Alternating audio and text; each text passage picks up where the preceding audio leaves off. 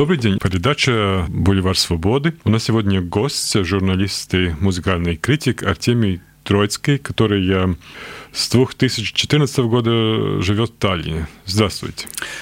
Gins. 2014 год был таком, можно сказать, э, э, годом, когда много что превратилось в какой-то сторону, которая многим не было ясно тогда, в какую сторону мир превратился в этот год. Э, в странах, балтийских странах было довольно ясно, по-моему, что, чем это движется, но ваше решение уезжать из России тогда было связано именно с крымскими событиями, или это уже когда как-то вы уже об этом думали до этого? Ну, я думаю, я думаю, что это было э, стечение обстоятельств. Это вот как вот есть несколько составляющих, они дают какой-то один вектор.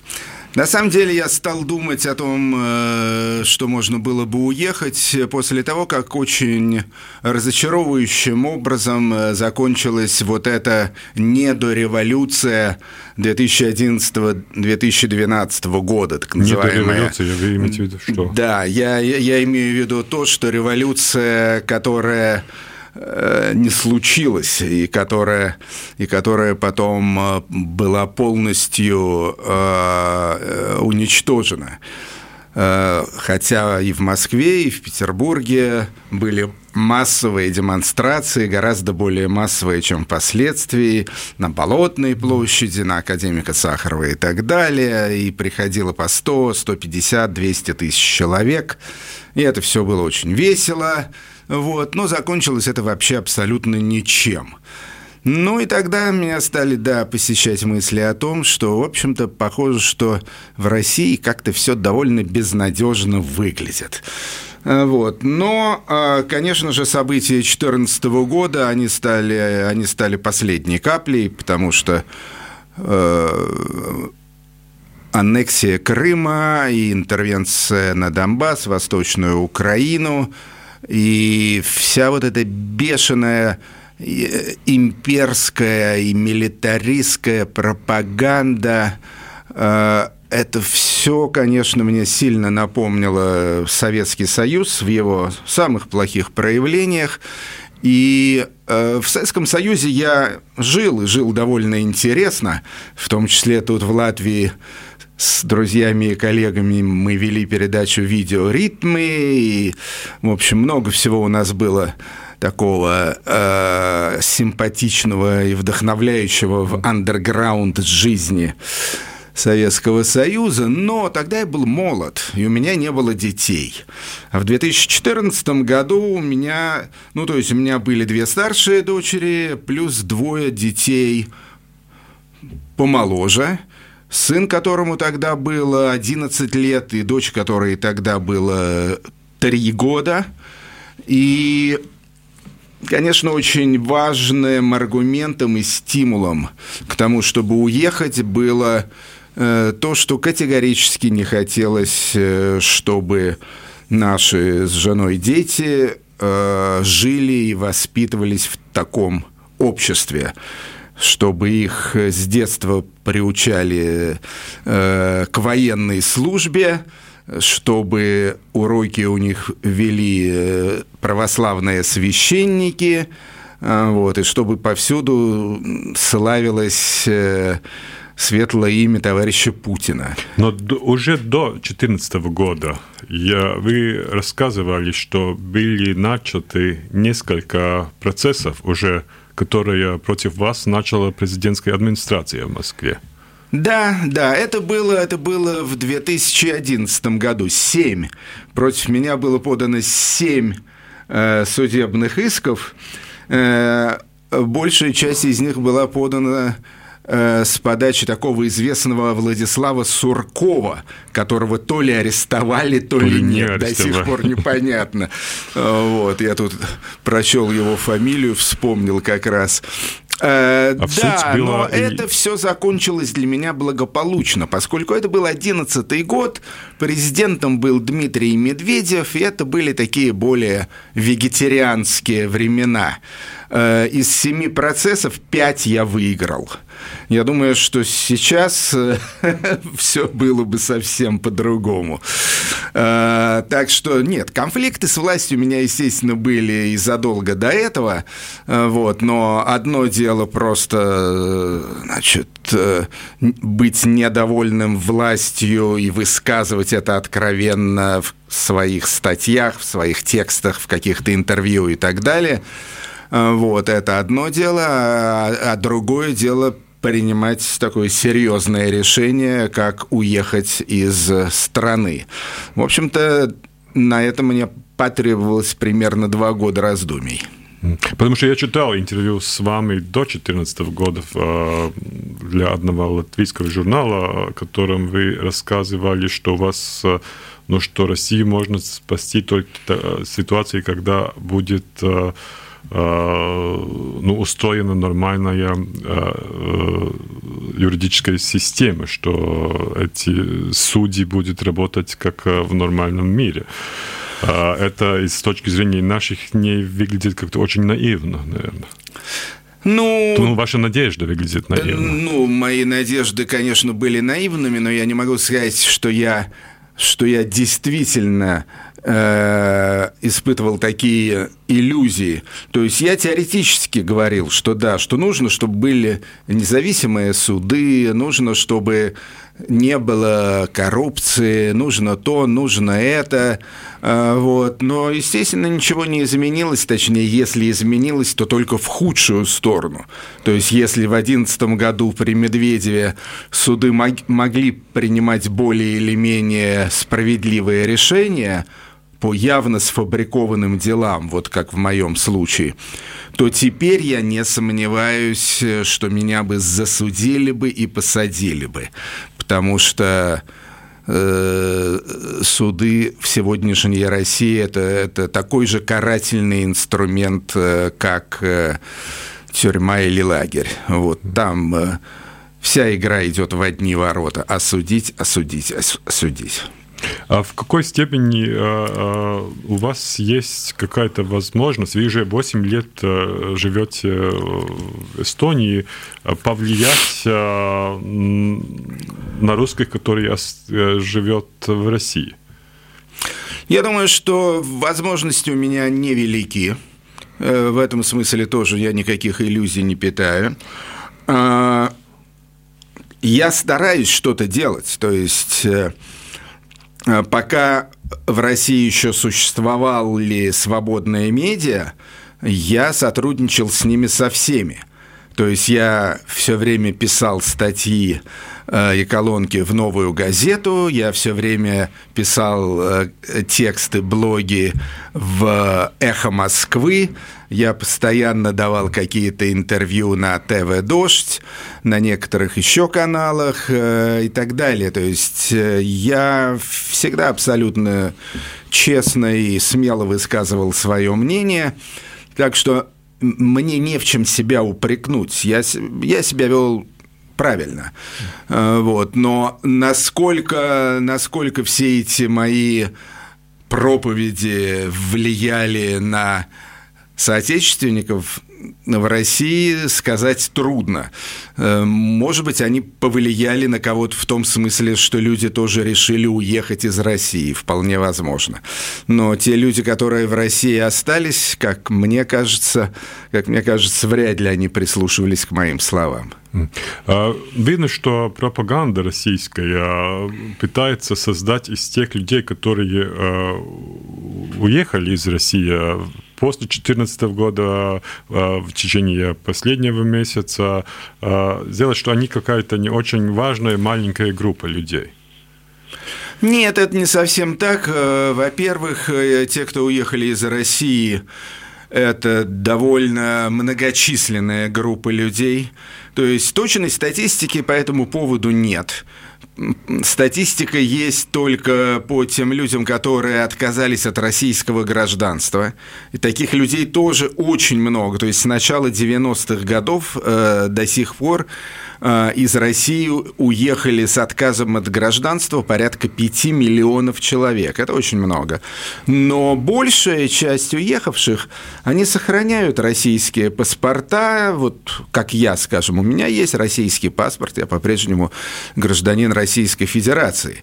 А, сейчас этих людей стало просто огромное количество, потому что за последние полтора месяца, как началась война с Украиной, э, выехало из России, ну, где-то, я думаю, не меньше полумиллиона человек. То есть каждую неделю уезжает примерно по 100 тысяч из России. Это, это огромное количество. Но дело даже не столько в количестве, сколько в качестве. Потому что те, кто уезжают из России, это обычно люди молодые, это люди неплохо образованные, это люди, которые знают иностранные языки, это хорошие профессионалы, будь то, там, не знаю, IT или будь то биология, или э, будь то менеджмент или финансы. В общем, это на самом деле уезжают э, те люди, которые должны были бы строить будущую развитую и цивилизованную Россию, но они просто видят, э, что будущее России гораздо мрачнее, чем им хотелось бы. И они уезжают, и встает большой вопрос, а кто вообще останется в России из квалифицированных людей, если почти все те, кто могут как-то конвертировать свое образование и свои способности э, за границей, на Западе, почти все эти люди уезжают. Ну, я думаю, в какой-то степени, ну, те диссиденты, не знаю, после э, после 17 -го года или 70-х годов, как они вообще влияли на то, что происходило в Советском Союзе? Никак, по-моему. А, я думаю, что они влияли очень мало. Действительно, они практически не влияли на то, что происходило в Советском Союзе. И э, я не знаю, честно говоря, как будет влиять на происходящее в России сегодняшняя иммиграция. Потому что, э, конечно же, в количественном отношении она значительно превышает э, скажем, диссидентскую миграцию 60-х, 70-х, 80-х годов гораздо больше. Может быть, по количеству она примерно равна или не намного меньше, чем э, бегство из России аристократии после революции 17 года.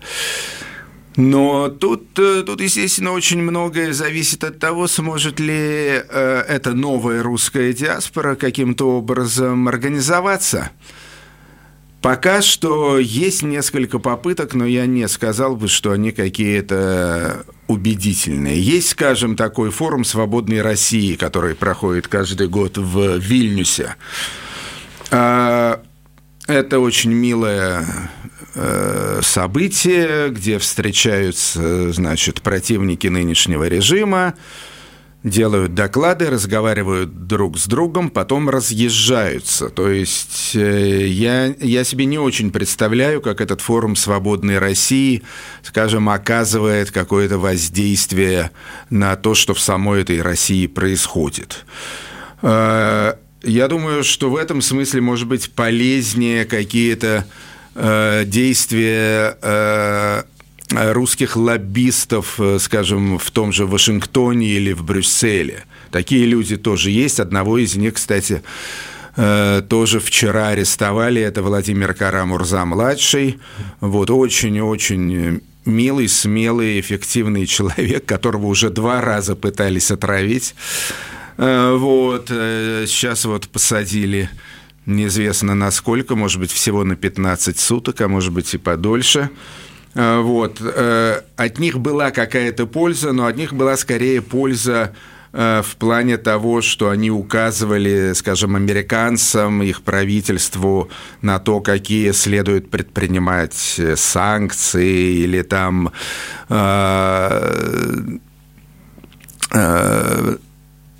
ну, в общем, то есть какие-то какие практические такие вот вещи типа э, типа санкций или каких-то еще мер против э, против значит, российской карательной машины, акт Магнитского, вот они тоже пролоббировали и так далее.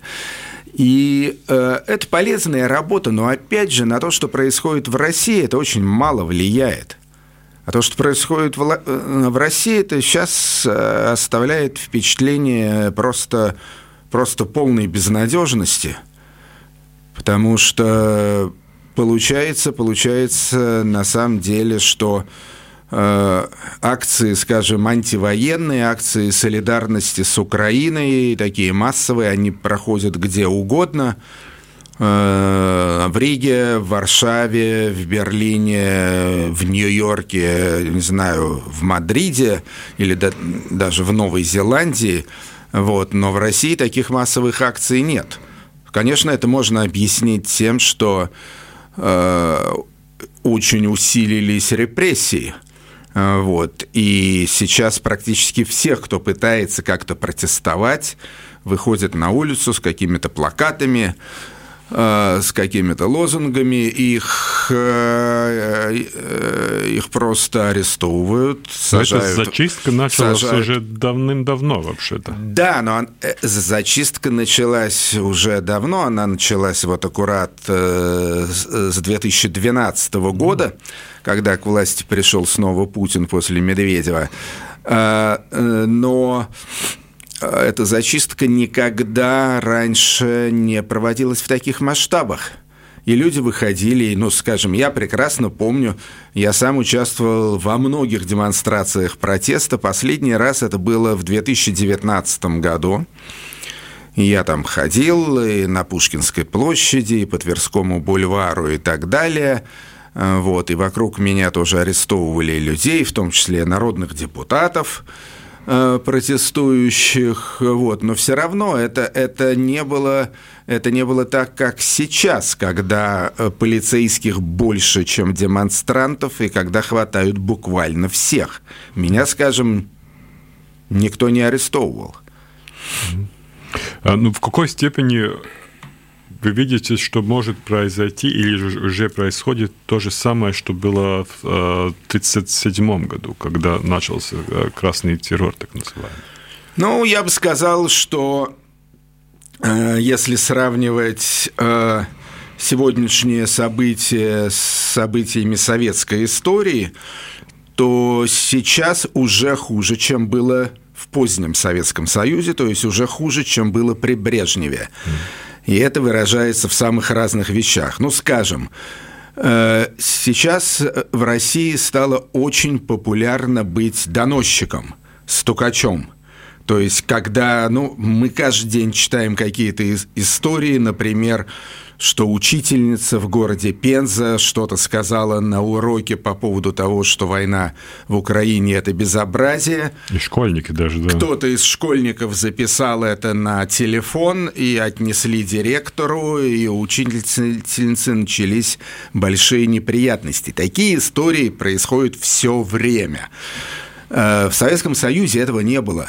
То есть доносчики были, агенты КГБ были, но это, но, но это считалось чем-то позорным. Они маскировались, они старались, чтобы никто не знал, что он доносчик. Сегодня, точно как при Сталине, доносчики – это патриоты, это прекрасные люди, которые помогают изобличать предателей и врагов народа. Ну, а центр Левада, ну, который, по-моему, единственный, да, который там какие-то социологии вообще устраивает э, в России, они опять опубликовали свои данные, и они как-то в течение месяца не изменились. Даже поддержка Путину или, по, или а, отношение позитивное к войне Украине а, а, сохранилось и даже повесило, повесило ну, прибавлялось э... этот процент, ну, там, из 80 до 83 процентов, которые, ну, ужасная цифра, если это ужасная цифра, если ей верить. Э, вот. Я на самом а деле отношусь, я отношусь довольно скептически к этому. Что, я считаю, что я считаю, что центр Левады просто делает большую ошибку. Нельзя проводить социологические опросы Во время в войны? тоталитарной стране в военное время. Нельзя, потому что все знают, и это было широко распространено по телевидению и так далее, что принят закон о дискредитации действий российской армии в Украине. И все. И это уголовное дело, и это посадка до пяти лет в тюрьму. Теперь вы себе представьте, что к вам приходят социологи, даже очень милые, и спрашивают вас, как вы относитесь э, к интервенции э, в Украину, вы одобряете или нет. Что вы можете им сказать? Если вы скажете, нет, я это не, не одобряю, перед вами начинает маячить уголовная статья. А кто верит э, тому, что эти социологи не донесут на вас? Верить этому невозможно, и все разговоры про анонимность социологических опросов, ну, это, это только для самых наивных людей, потому что все прекрасно понимают, что если к вам пришли домой, или даже если вам позвонили по телефону, никакой анонимности тут быть не может уже. По номеру телефона легко вычислите ваше имя, и место работы, и место учебы, все остальное. Так что я, конечно, не считаю, что степень поддержки этой войны там, больше 80%. Ну, сколько вы думаете? Но он все равно достаточно велик. Я думаю, я думаю это скорее, скорее процентов 50-60. Э, Причем, э, э, конечно же, там очень сильно эта степень поддержки зависит от возраста, от образования и а так вы думаете, далее. это все из- из-за пропаганды? Это нет, это не только из-за пропаганды, это, это вообще очень тяжелый и очень болезненный вопрос. То есть э, пропаганда, да, пропаганда, конечно, имеет значение, особенно в том случае, когда все альтернативные источники информации практически заблокированы. Сейчас же в России ну, практически нет интернета, закрыты все все эти новые газеты, «Эхо Москвы», «ТВ Дождь» и так далее. Вот, то есть, в общем-то, Э, альтернативных источников информации э, в России не осталось. То есть, ну, они, конечно, есть, но для того, чтобы до них добраться, надо прикладывать большие усилия.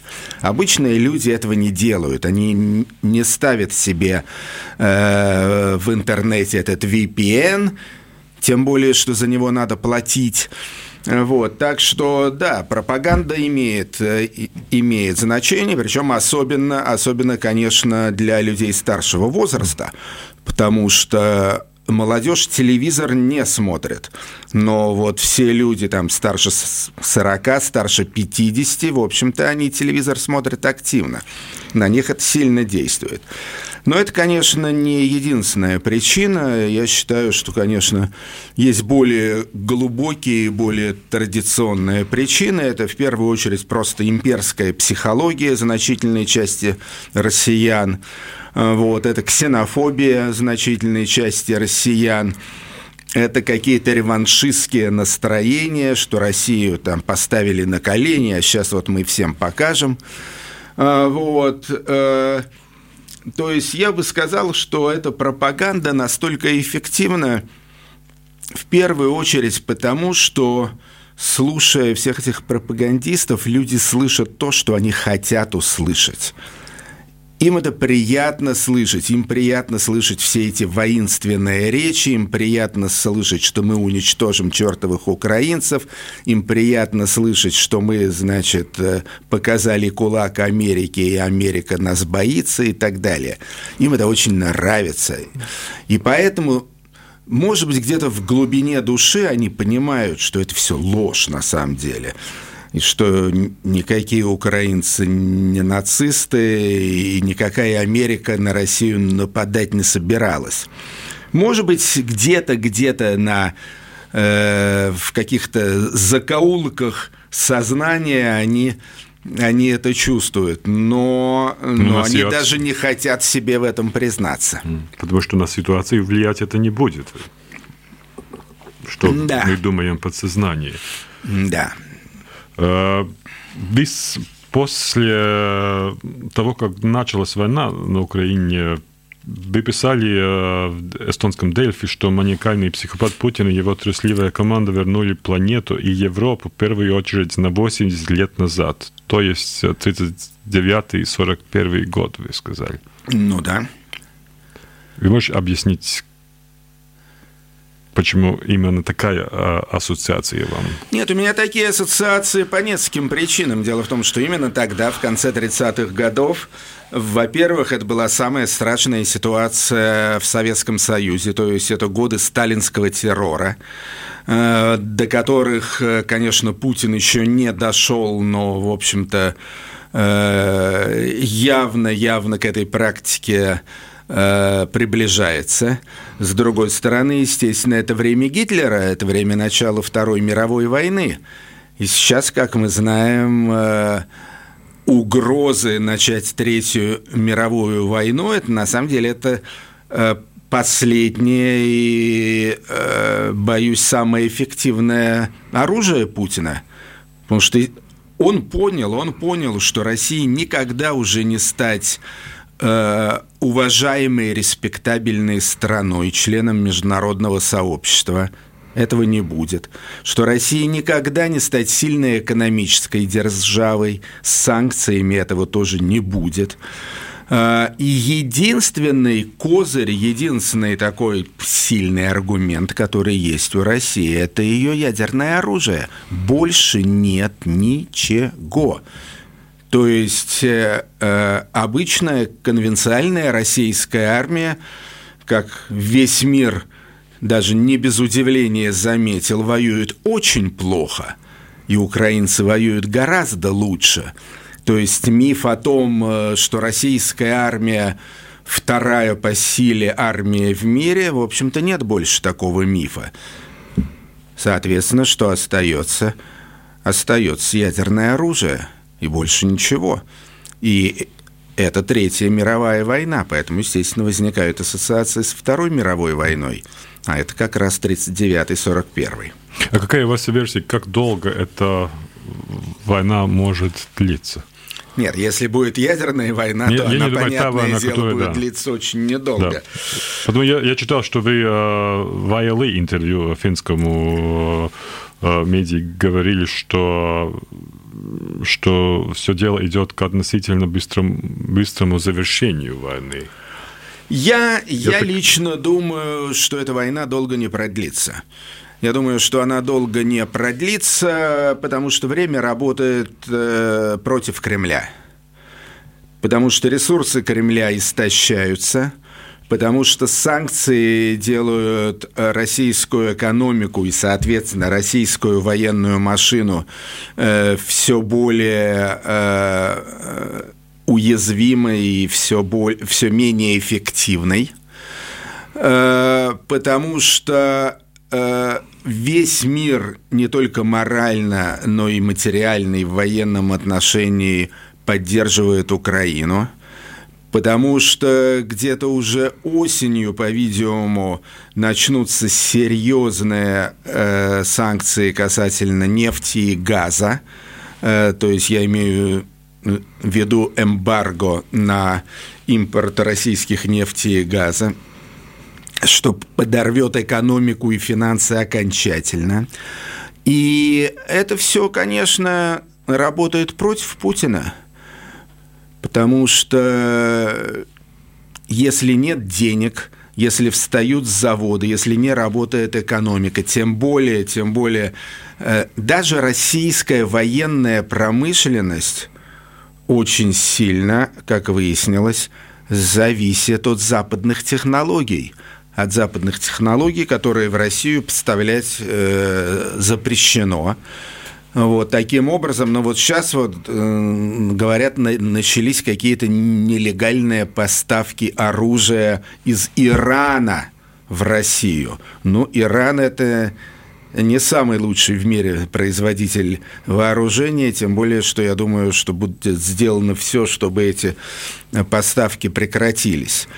Имеется, конечно, один очень крупный игрок, это Китай, но э, Китаю, в общем-то, невыгодно становиться явным военным союзником России, потому что тогда Китай потеряет очень много на санкциях в отношении своей экономики.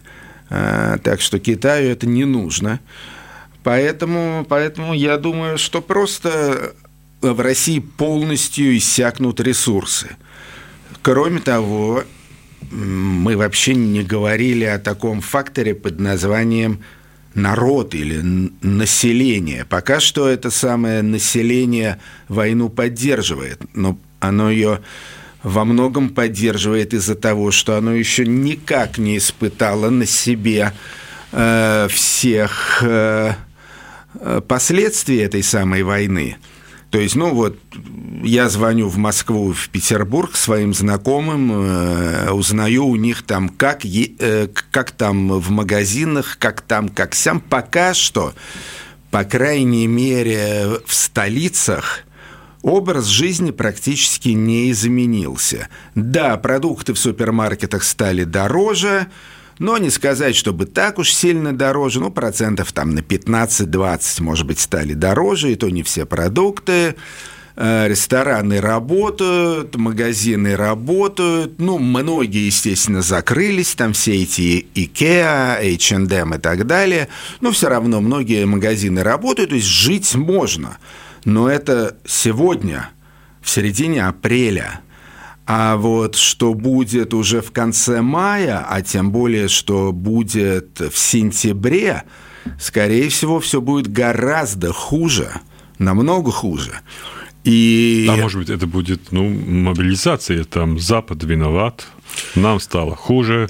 Э, ну, нужно... Я, я как раз не думаю, я не думаю, что это приведет к какому-то народному восстанию, потому что в Советском Союзе тоже было очень плохо с продуктами если вы, Ген, вспомните. И были пустые магазины, вот. Ну, в Риге было получше, конечно, вот. но даже в Москве было очень плохо, а уж в провинциальных городах совсем ужасно. И ездили так называемые колбасные электрички из Тулы и Калуги в Москву. Люди ездили в Москву за продуктами, потому что в их собственных городах, там, часто с населением полмиллиона или миллион э, человек, вообще там ничего не было, кроме хлеба. Э, вот. Э, и я с вами согласен в том смысле, что я не думаю, что это приведет, скажем, к какому-то народному восстанию, какой-то революции и так далее. Но то, что это приведет к тому, что народ будет очень недоволен, и поддержка этой войны станет гораздо меньше, это сто процентов. То, что всех удивляет, это действительно непонятно, наблюдая всего, что происходит э, на Украине, откуда у у русской армии такая жестокость? Или у тех, которые устраивают войну? Где я это, не знаю. Это я, тот же самый это... вопрос, которого, ну, не знаю, Ханна Арен когда-то задавала после Второй мировой войны, когда она написала свою книгу о том, что где-то зло началось. Или, да, начало этого зла. Да, это, это, это сложный вопрос, на который, на который э, невозможно ответить несколькими тезисами. То есть я бы сказал, э, я бы сказал, что это с одной стороны вот то, о чем мы уже говорили, то есть влияние пропаганды, э, но этим, конечно, все объяснить невозможно. Я думаю, что во многом это вообще в природе войны. То есть, в принципе, любая война – это такая операция по изгнанию человеческого из человека. Любая война делает из нормального вроде бы человека какое-то орудие убийства, какого-то садиста. И это, конечно, ужас. Поэтому, собственно, война – это зло. Это страшное зло. Об этом снято много фильмов, написано много книг. ну, может быть, там самый известный фильм, скажем, Apocalypse Now Копполы, как раз про то, как война делает людей безумцами. А, так что это, это, то, это тоже влияет, конечно. Вот, вот это плюс пропаганда, это дает адскую смесь. Но, может быть, есть, э, может быть, есть еще какие-то причины. Я не знаю, это, это, это, очень, это очень болезненная тема, и, э, в общем, это мне довольно страшно даже думать об этом. А какой степени, э, ну, многие русские в последнем, во время последнего месяца тоже здесь в студии говорили, что они, э, даже если они не живет или уехали из России, что они и, и даже если они находятся в оппозиции с э, э, путинской системе, что они испытывают ответственность за то, что происходит. Как это вам? Ну, это, это, это популярный такой тезис. Я не сторонник этого. Я не сторонник теории коллективной ответственности что все русские несут ответственность, или там, что все россияне, скажем так, шире, несут ответственность э, за зверства, которые творятся. Или там, скажем, за политику Кремля, или там, скажем, за безумные психопатические э, инстинкты Владимира Путина.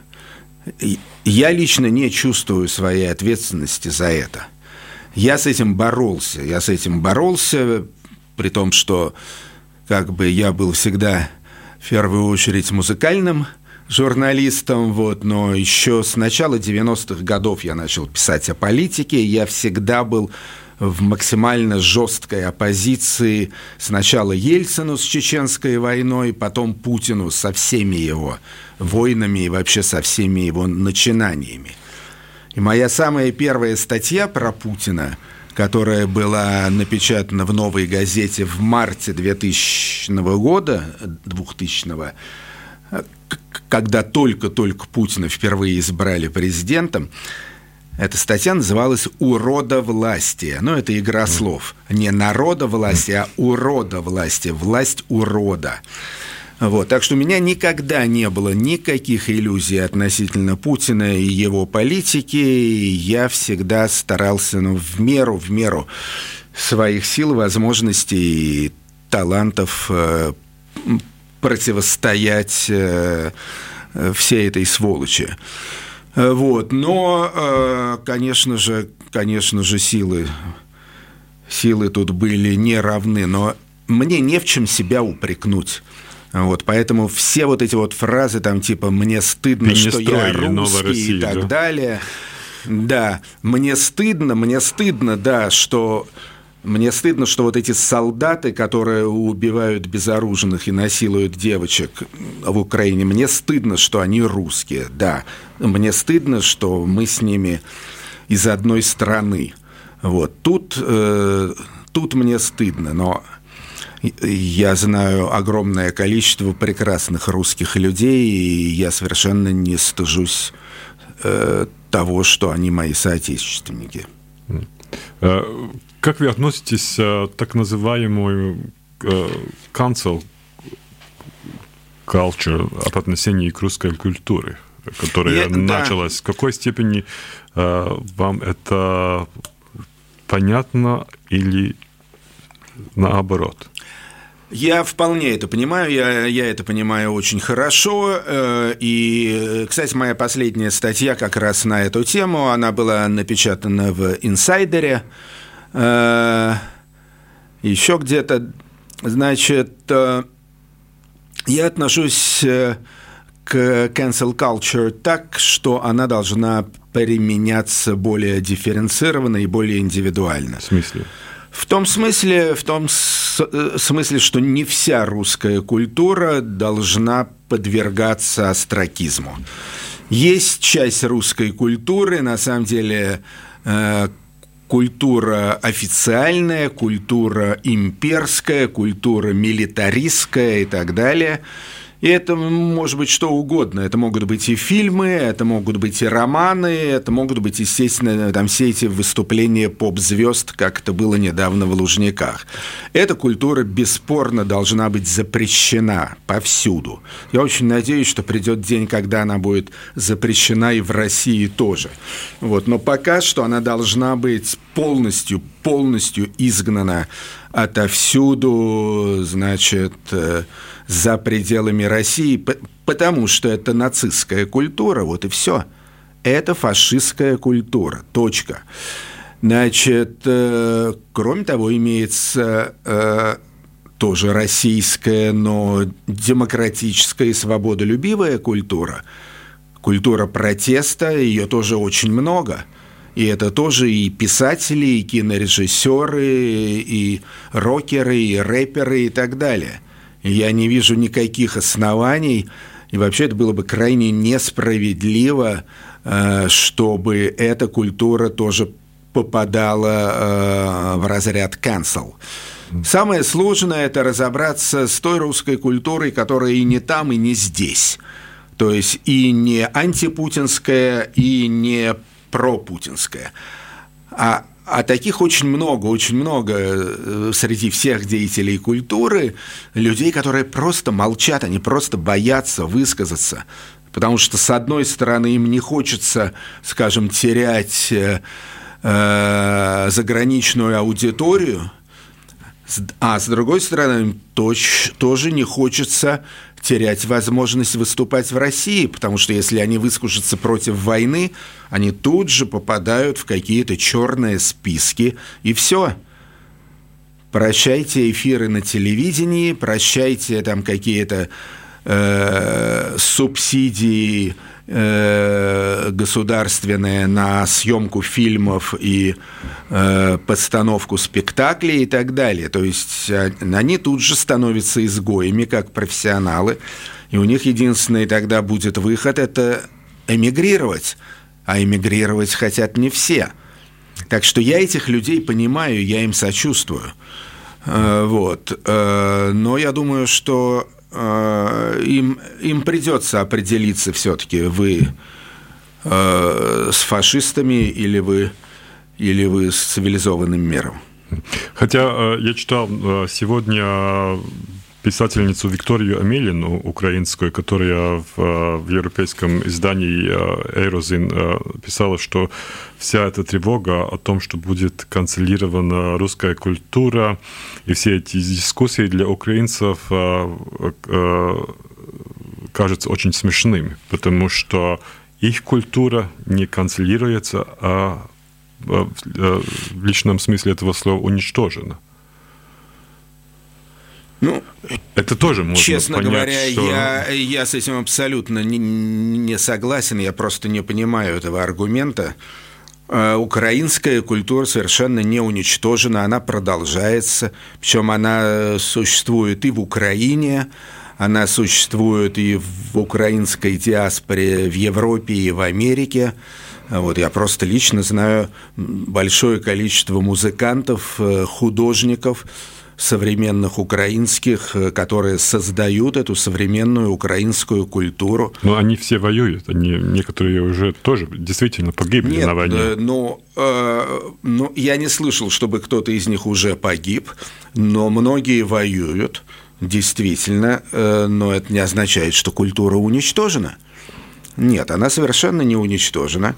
Э, вот. Более того, в общем, такие события, как война, многих они вдохновляют. Скажем, я сейчас сделал у себя на радио «Свобода», я сделал э, большую программу под названием «Песня украинского сопротивления». Да, я слыхал. Это, нов, э, это новые песни известных и неизвестных артистов, которые были созданы буквально только что. И это культура – и вы, вы говорили, что делая эту передачу, э, что вы сказали, за 30 с лишним лет непрерывной радиоактив, радиоактивности у меня не было программы столь важной и сложной и эмоционально захватывающей, как это. Да, это, это на самом деле так. Ну, я обычно как э, э, радио-диджей с большим стажем с 89 -го года. У меня постоянно идут музыкальные программы на радио, но я делал просто обычные музыкальные программы, какая-то музыка, которая мне нравится, какие-то артисты, рассказы о, о них и так далее. То есть это все было очень мило э, эти программы имели успех, э, вот, но в них не было ничего такого особо важного. В данном случае это, это была очень сложная задача. Я отслушал огромное количество новых песен, и новых, и старых даже.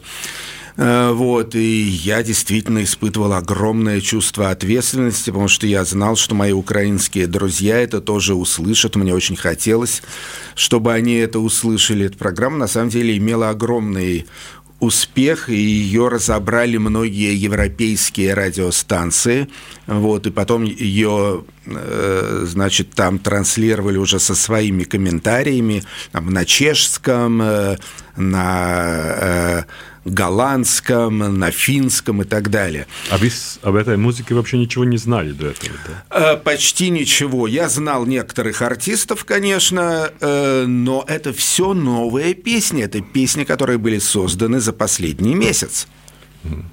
А музыка и война, вы сам говорили, что э, эти неразделимые вещи. Почему? Ну да, это парадокс, конечно, что музыка это что-то прекрасное и абстрактное, э, и очень духовное, можно сказать, а война это что-то брутальное, страшное и суперконкретное. Э, и что удивительно, а... что в черном списке, так там называемом санкционном списке э, Европейского Союза и тоже в Латвии, которая очень много исполнителей и музыкантов из попса и кончая с Гергиевым. Или, да, да, да. Ну, я считаю, что... И даже Анна Нетревко, которую не приглашают на, ни, на, ни на Западе, ни на России в наши Да, дни. я считаю... Очень много музыки. Я считаю, что это абсолютно справедливо. Вот. Более того, я могу сказать, что как раз сегодня должно выйти новое расследование Фонда борьбы с коррупцией Навального. Э, и оно посвящено не кому-нибудь, а как раз господину Гергиеву. Вот, так что я буду сегодня где-то в 9 часов вечера у них э, в эфире на Навальный лайф и буду там что-то комментировать по поводу этих музыкальных санкций. Но э, почему музыка и война, и война неразделимы? Потому что, э, наверное, еще с первобытно-пещерных времен воины или охотники возбуждали себя песнями и танцами. Вот, то есть э, музыка действовала воодушевляюще на бойцов, на этих warriors. Э, вот, и отсюда пошли, скажем, военные марши, такая целая огромная такой пласт музыкальной культуры, военные марши, военная музыка.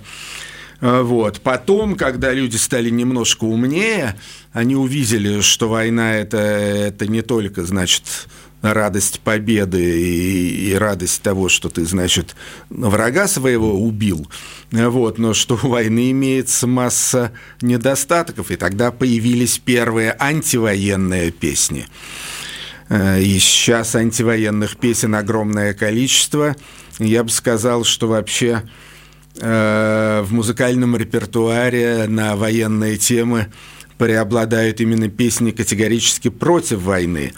И Россия наряду с Северной Кореей и, может быть, Китаем, это вообще, возможно, единственная страна, где до сих пор создаются все эти песни за войну, все эти милитаристические гимны. Это, конечно, ужасно. Да. Но вы говорили тоже, что Гергиев должен сидеть на скамье подсудимых, как э, видный и очень старательный путинский пропагандист. Э. Да, я считаю, что он должен по крайней мере, попасть на скамью подсудимых, что там суд решит, это уже не мое дело.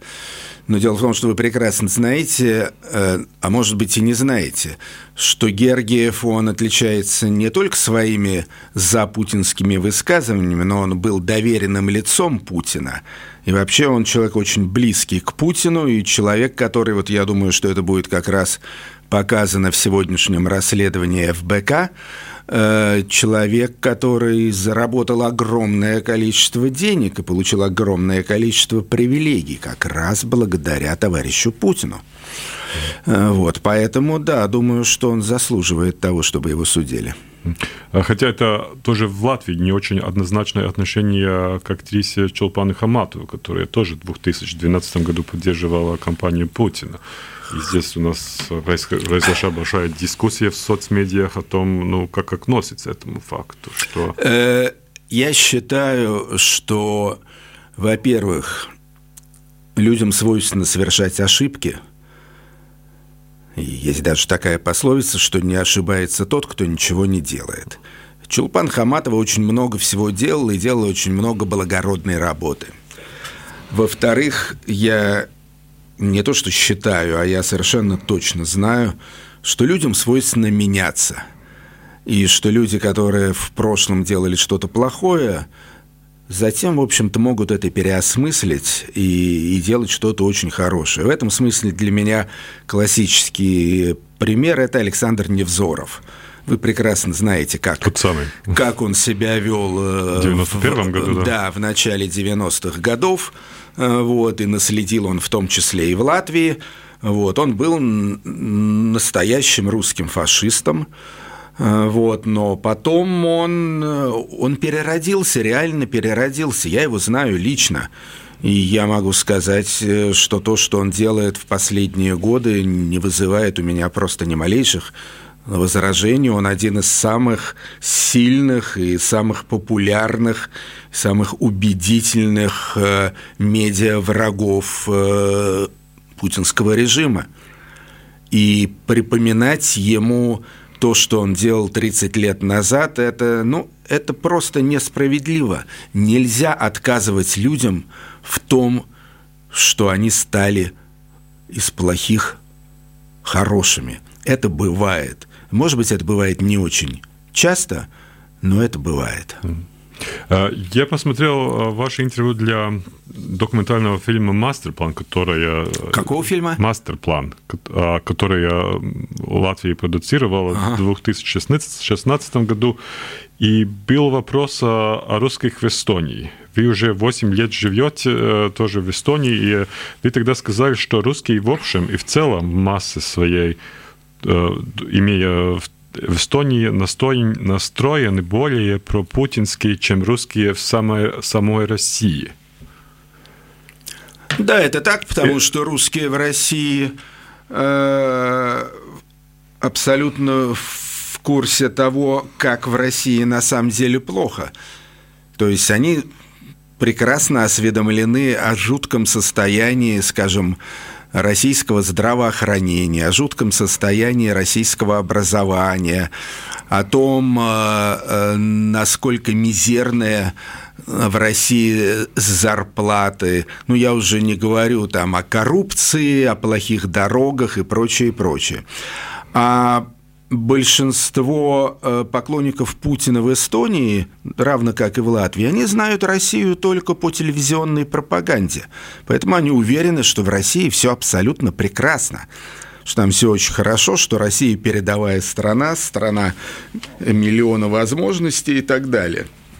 Я думаю, что Сейчас, конечно, э, это, эта ситуация изменится. То есть она в любом случае меняется. Она... То есть выключили телевизор и э, начали по-другому мыслить? Э, с одной стороны, сделали менее доступной российскую пропаганду. Ну, естественно, покупаются какие-то тарелки, покупаются какие-то еще гаджеты. Вот, то есть те, кому очень хочется продолжать смотреть российское телевидение, они найдут способ его смотреть, но тем не менее оно стало несколько менее доступным. Э, вот. Кроме того, просто естественным образом э, это поколение, потому что это поколение, оно даже не столько путинское, сколько советское. Вот. И главный предмет их ностальгии – это это не Россия, а это СССР. Вот. И этих людей становится просто физически все меньше и меньше. Это, это пенсионеры, они уходят. Поэтому я бы сказал, что сейчас, что сейчас нет уже такой остроты в ситуации с русскоязычным населением Эстонии. Но вы не думаете, что может, может из-за населения эстонского или латвийского, русского ну, сложиться так, так называемая пятая колонна?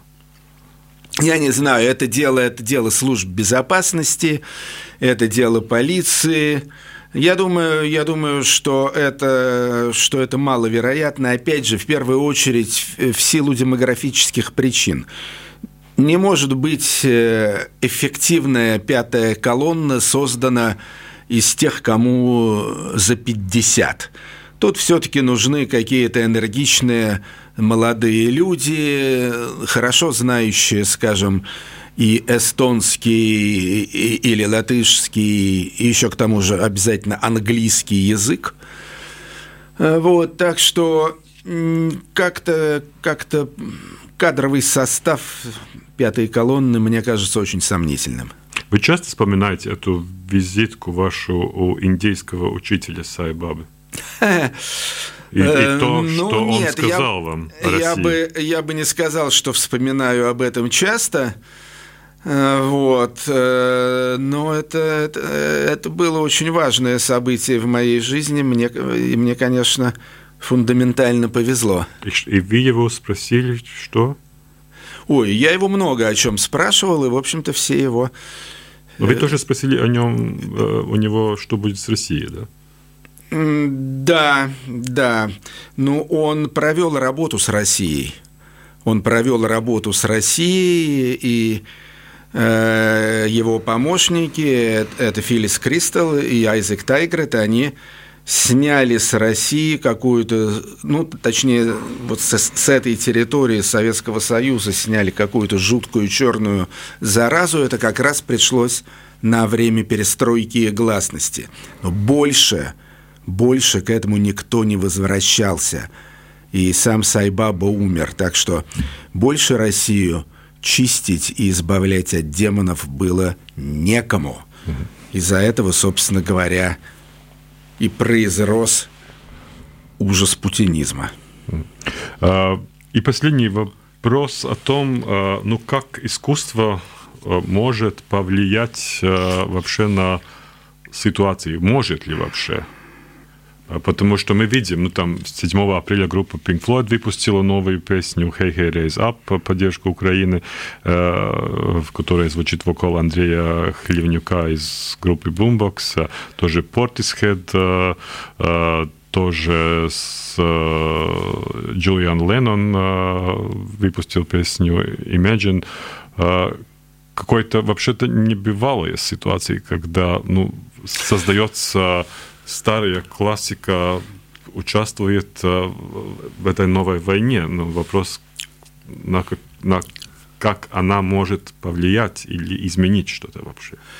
Ну, сейчас вообще небывалая ситуация, потому что э, такой сильной волны, такой мощной кампании солидарности, как сегодняшняя кампания солидарности с Украиной, я не помню. При моей жизни такого точно не было.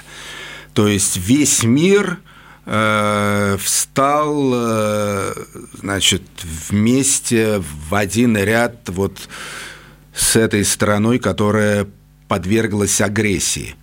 И это не только Восточная Европа, это и Западная Европа, и Британия, и Скандинавия, и Северная Америка, и люди просто э, по-настоящему болеют за Украину и очень хотят ей помочь. И я думаю, что это очень важно, что солидарность всегда важна. Для Украины невероятно важно, чтобы она не чувствовала себя одинокой. Если бы не было этой солидарности, то, я думаю, даже оружие бы не очень помогло. Хотя, естественно, э, в конечном результате все решается на поле боя, а не на концертах или акциях. Вот. Но и концерты, и акции, и э, слова, просто слова поддержки из уст великих и популярнейших людей, будь то там Арнольд Шварценеггер или Стивен Кинг или там э, Джон Роулинг, это, это, это все невероятно э, воодушевляет борющуюся страну. Спасибо. Спасибо. Это был э, журналист и э, музыкальный критик Артемий Троицкий здесь в нашей передаче э, «Боливар свободы». Спасибо. Спасибо, Спасибо вам. Счастливо, свейки. Ата. Ата.